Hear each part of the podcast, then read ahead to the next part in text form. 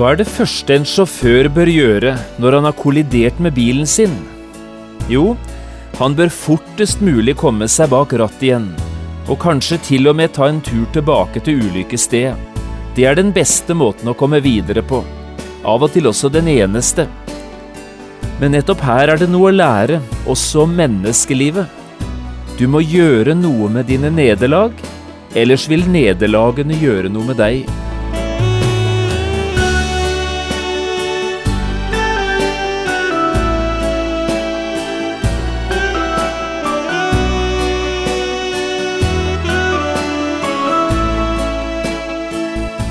Hjertelig velkommen til et nytt program i serien Vindu mot livet. Programmet er produsert av Kristen Riksradio og blir ledet av Jon Hardang. Kristen Riksradio drives av frivillige gaver. Vi er glade for din støtte.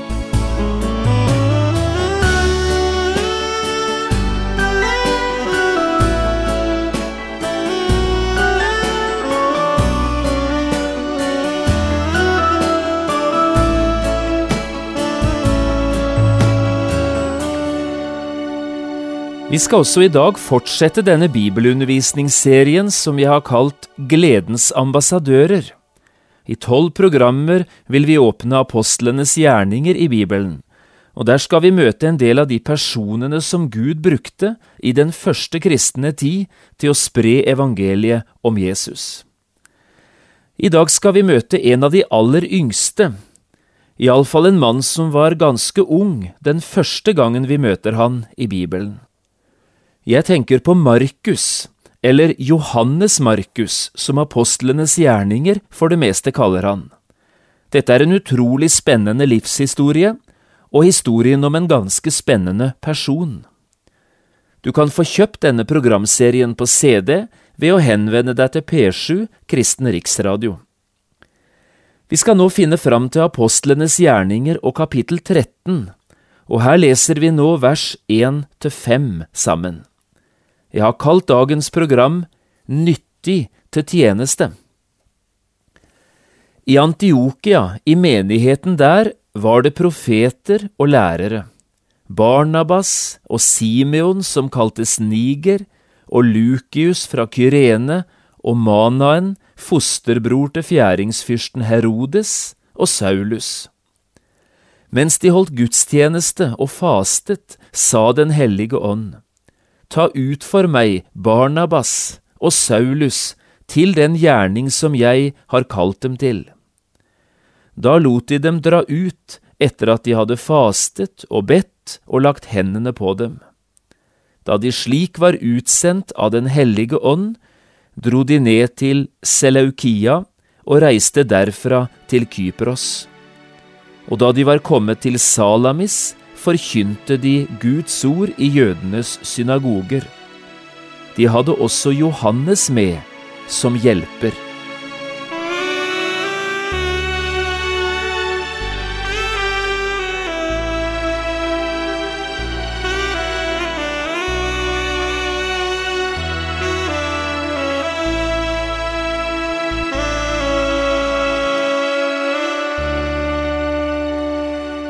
Jeg tror ikke vi trenger å bruke mye tid for å bli enige om at det hjemmet et menneske vokser opp i, har avgjørende betydning for hvordan dette menneskets liv i det hele tatt vil bli.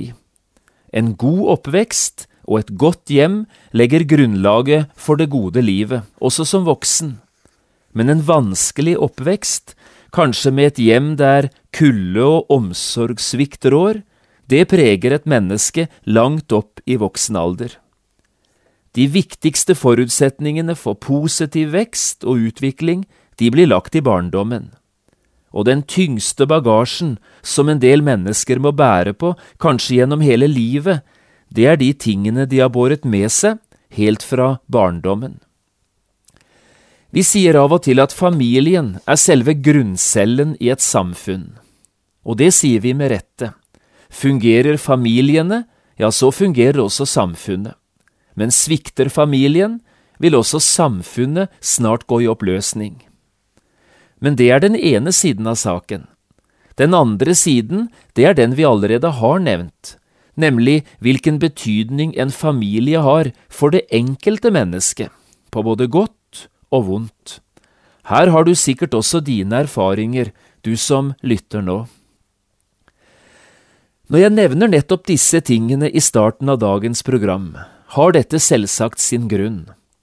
Hovedpersonen i dag er som nevnt Markus, eller Johannes Markus, som han som regel kalles i apostlenes gjerninger. Også han fikk nemlig gleden av å vokste opp i et kristent hjem.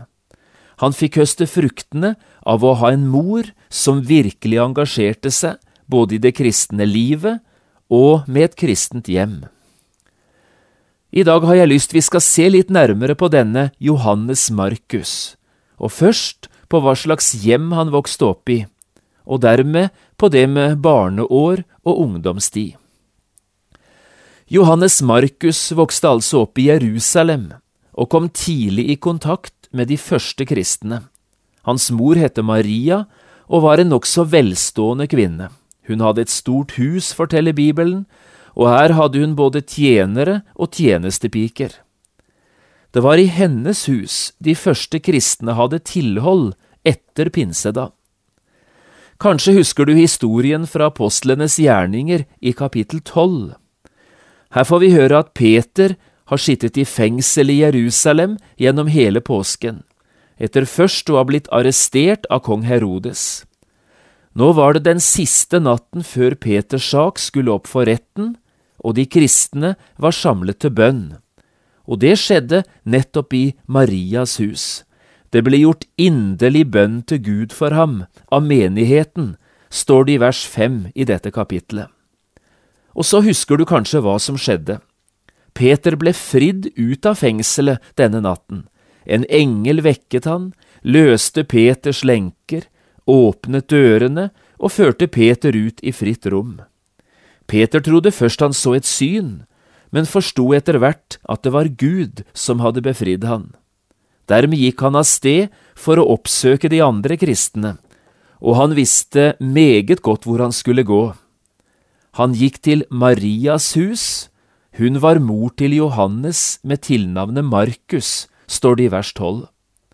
Her ble Peter lukket inn av en tjenestejente som het Rode, og så kunne han fortelle om et fantastisk bønnesvar. Johannes Markus var sannsynligvis til stede da alt dette skjedde. Når det nettopp var dette huset som de første kristne hadde tilhold i, så var nok ikke det en tilfeldighet.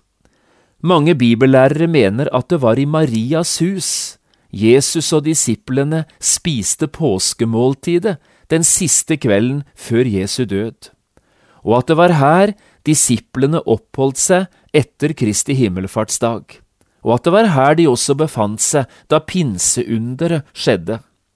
I så fall har Marias hus vært samlingsstedet for de kristne helt fra begynnelsen. Sikkert er det i alle fall at Johannes Markus har hatt kontakt med de kristne fra tidlig av i livet sitt. Men hva skjedde så, siden med Johannes Markus? Jo, i slutten av apostelgjerningene tolv står det følgende, vers 25. Barnabas og Saulus vendte tilbake til Jerusalem etter at de hadde fullført sin tjeneste. De tok med seg Johannes med tilnavnet Markus. Dette er en ganske interessant opplysning. Situasjonen er altså at Barnabas og Paulus har vært i Jerusalem for å levere en gave som var samlet inn til de kristne i byen. Bakgrunnen for det igjen var en hungersnød som profeten Agabus hadde varslet i den kristne menigheten i Antiokia. Etter dette hadde Paulus og Barnabas blitt værende en tid i byen, før de nå dro tilbake til Antiokia og det var da de tok med seg Johannes Markus. Sannsynligvis la de merke til at denne mannen hadde rike evner og store gaver som Gud kunne gjøre bruk av. Dessuten var Johannes, ifølge Kolossebrevet 4, også i slekt med Barnabas. De to var nemlig søskenbarn. Nå er det viktig å ha tidsperspektivet klart for seg. Mellom det som skjedde da Jesus døde og sto opp igjen, og det som skjedde da Peter ble befridd fra fengselet i Jerusalem, ligger en periode på 15 år. Og det som skjer når altså Paulus og Barnabas kommer til Jerusalem, det blir enda litt senere. Så nå er Markus sannsynligvis blitt en voksen mann, og kanskje en moden kristen. Så blir Paulus og Barnabas, slik vi leste om det, valgt ut av menigheten i Antiokia som menighetens første misjonærer. Og når de nå drar av sted til Kypros, sto det altså slik i vers fem, de hadde også Johannes med som hjelper. Heller ikke dette var tilfeldigheter. Barnabas var jo selv født på Kypros og kjente øya godt, derfor dro de nettopp hit. Johannes Markus ble altså med som førstereisgutt i tjenesten for evangeliet, eller som ettåring i misjonen, for å bruke et annet og litt mer moderne uttrykk. Og en stund så alt ut til å gå bra, både med Paulus og Barnabas og med Johannes Markus. De besøkte Salamis og forkynte Guds ord i synagogen der, og siden reiste de videre tvers over øya og kom til byen Pafos, helt på den andre siden. Men så, så skjedde det noe. I forbindelse med at misjonærene skulle forlate Kypros og seile videre nordover mot Perge i Tyrkia, så står det, Paulus og de som fulgte ham, seilte da ut fra Pafus og kom til Perge i Pamfylia. Men Johannes skilte lag med dem og vendte tilbake til Jerusalem. Slik står det i kapittel 13 og vers 13. Ingen flere opplysninger, ingen flere kommentarer, bare denne ene setningen, Johannes skilte lag med dem og vendte tilbake til Jerusalem. Men hva hadde skjedd? Nei, det vet vi ikke. Noe må jo ha hendt som gjorde at Johannes Markus nå brøt løpet. Men hvorfor? Nei, det vet vi ikke. Dersom Bibelen legger et taushetens slør over denne situasjonen. Kanskje ville han ikke mer? Kanskje orket han ikke å reise videre? Eller kanskje fikk han ikke lov? Vi vet ikke. Men det er jo lov å gjøre seg sine tanker. Det vi i alle fall vet, er at unge mennesker, unge medarbeidere, i alle fall er mer sårbare for belastninger i tjenesten enn andre, mer modne arbeidere er det. Og dette kan det være flere grunner til. Kanskje vi nå skulle prøve å nevne noen. Alt i tjenesten er helt nytt. For en ung medarbeider er alt ukjent. Alle erfaringer, det er førstegangsopplevelser, og det er tøft å skulle ta imot så mange nye inntrykk på så kort tid som ofte blir tilfellet. Og så har en lite forberedt på forhånd. Det er heller ikke alltid så godt å vite hva en skal forberede seg på før en drar ut. Og det å føle seg uferdig eller uforberedt, det skaper jo også ofte en følelse av usikkerhet. Eller en vet ikke hvordan en vil reagere på selve reiselivet. Kommer jeg til å lengte hjem? Klarer jeg å sove i stadig nye senger? Hvordan vil jeg takle disse nye, fremmede omgivelsene?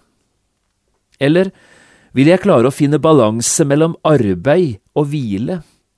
Klarer jeg å slappe av midt i tjenesten, finne disse rolige, viktige øyeblikkene som kan gi tanken rekreasjon og kroppen hvile?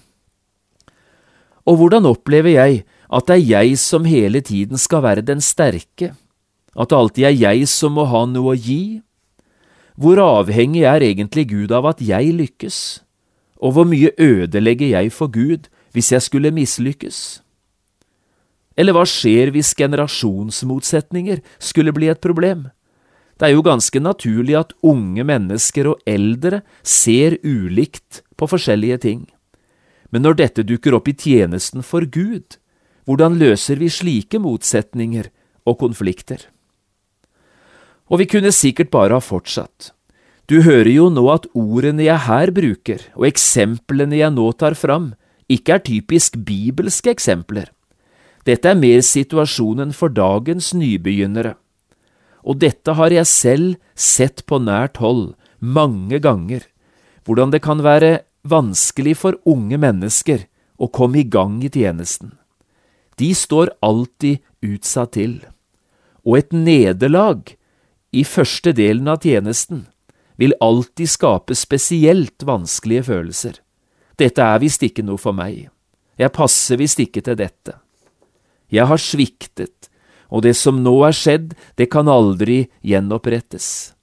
Eller vil det samme skje om igjen hvis jeg prøver å reise ut en gang til? Alle som har hatt med ungdom å gjøre, eller hatt ansvar for nye medarbeidere, vet hvor sårbare nettopp slike situasjoner er. Det kan gå godt, men sannelig kan det også gå galt. Hva som var årsaken til at det gikk galt for Johannes Markus, det vet vi altså ikke. Men hvordan gikk det med han? Ja, det er et interessant spørsmål, og her gir Bibelen oss noen svar. Vi får ikke høre noe mer om Johannes Markus i historien om den første misjonsreisen, verken i kapittel 13 eller 14 i apostelgjerningene, ikke ett ord.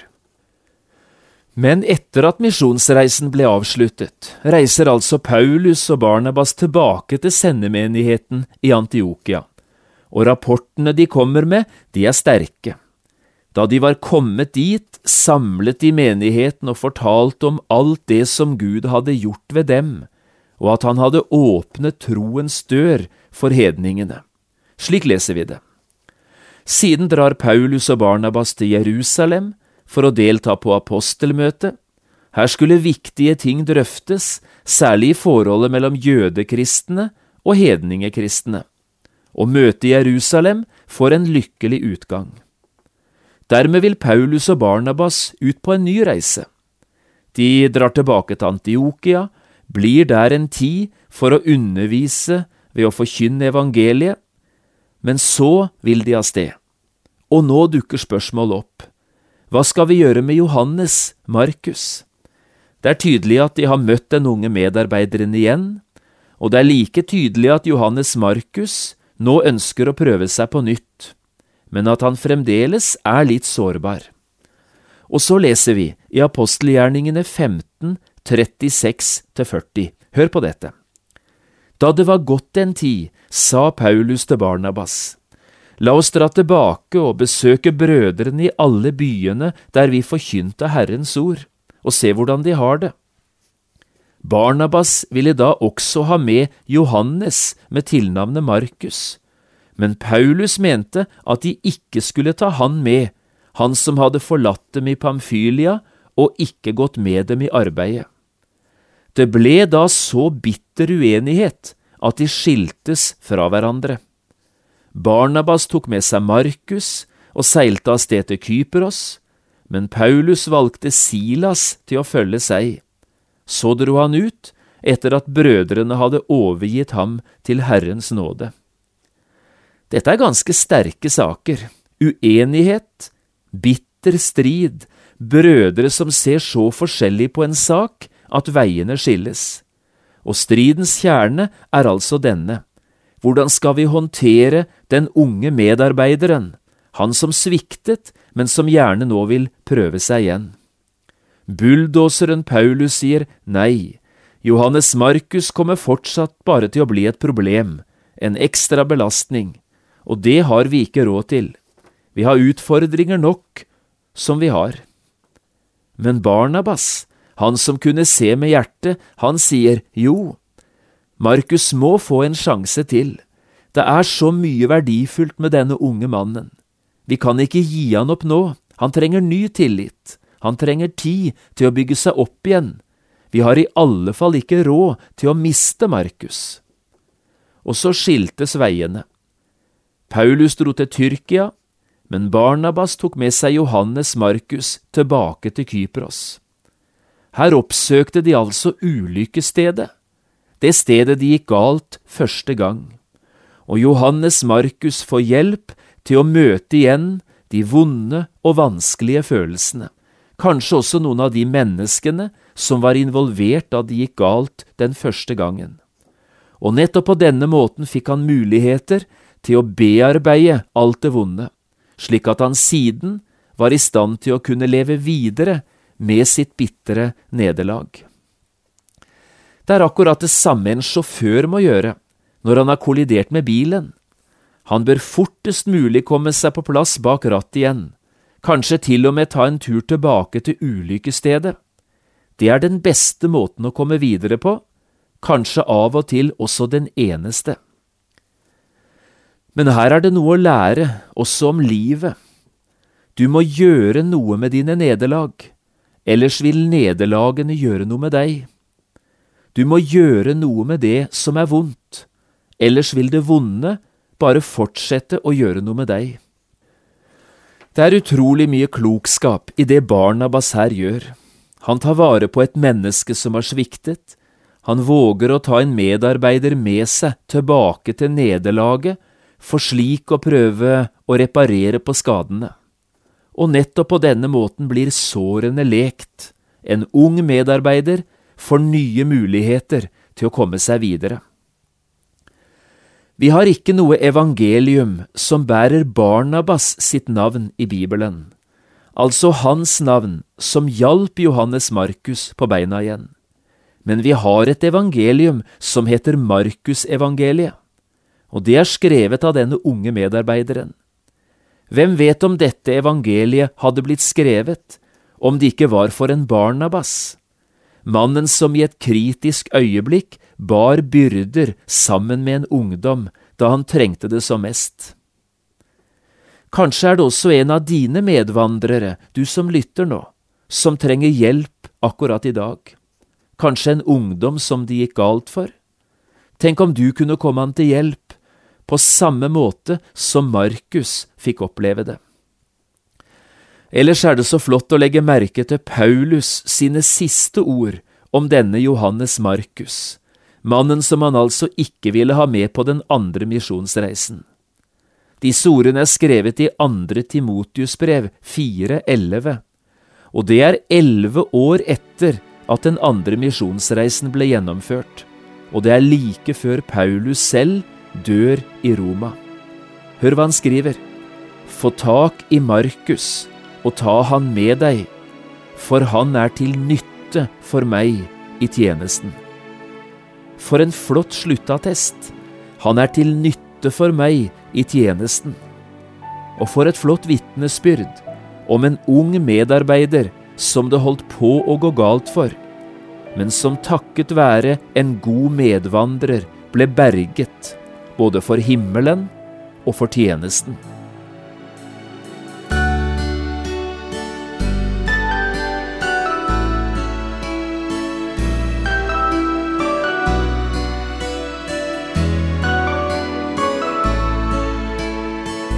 Du har lyttet til programmet program serien Vindu mot livet med John Hardang. Programmene i denne serien kan også kjøpes på CD fra Kristen Riksradio, eller høres på internett på p7.no. Har du spørsmål eller kommentarer til det du nå har hørt, kan du ta kontakt med oss. Adressen er Kristen Riksradio, Skiene 2, 5353 Straume, eller send en e-post vml alfakrøll p7.no. Takk for i dag, og på gjenhør.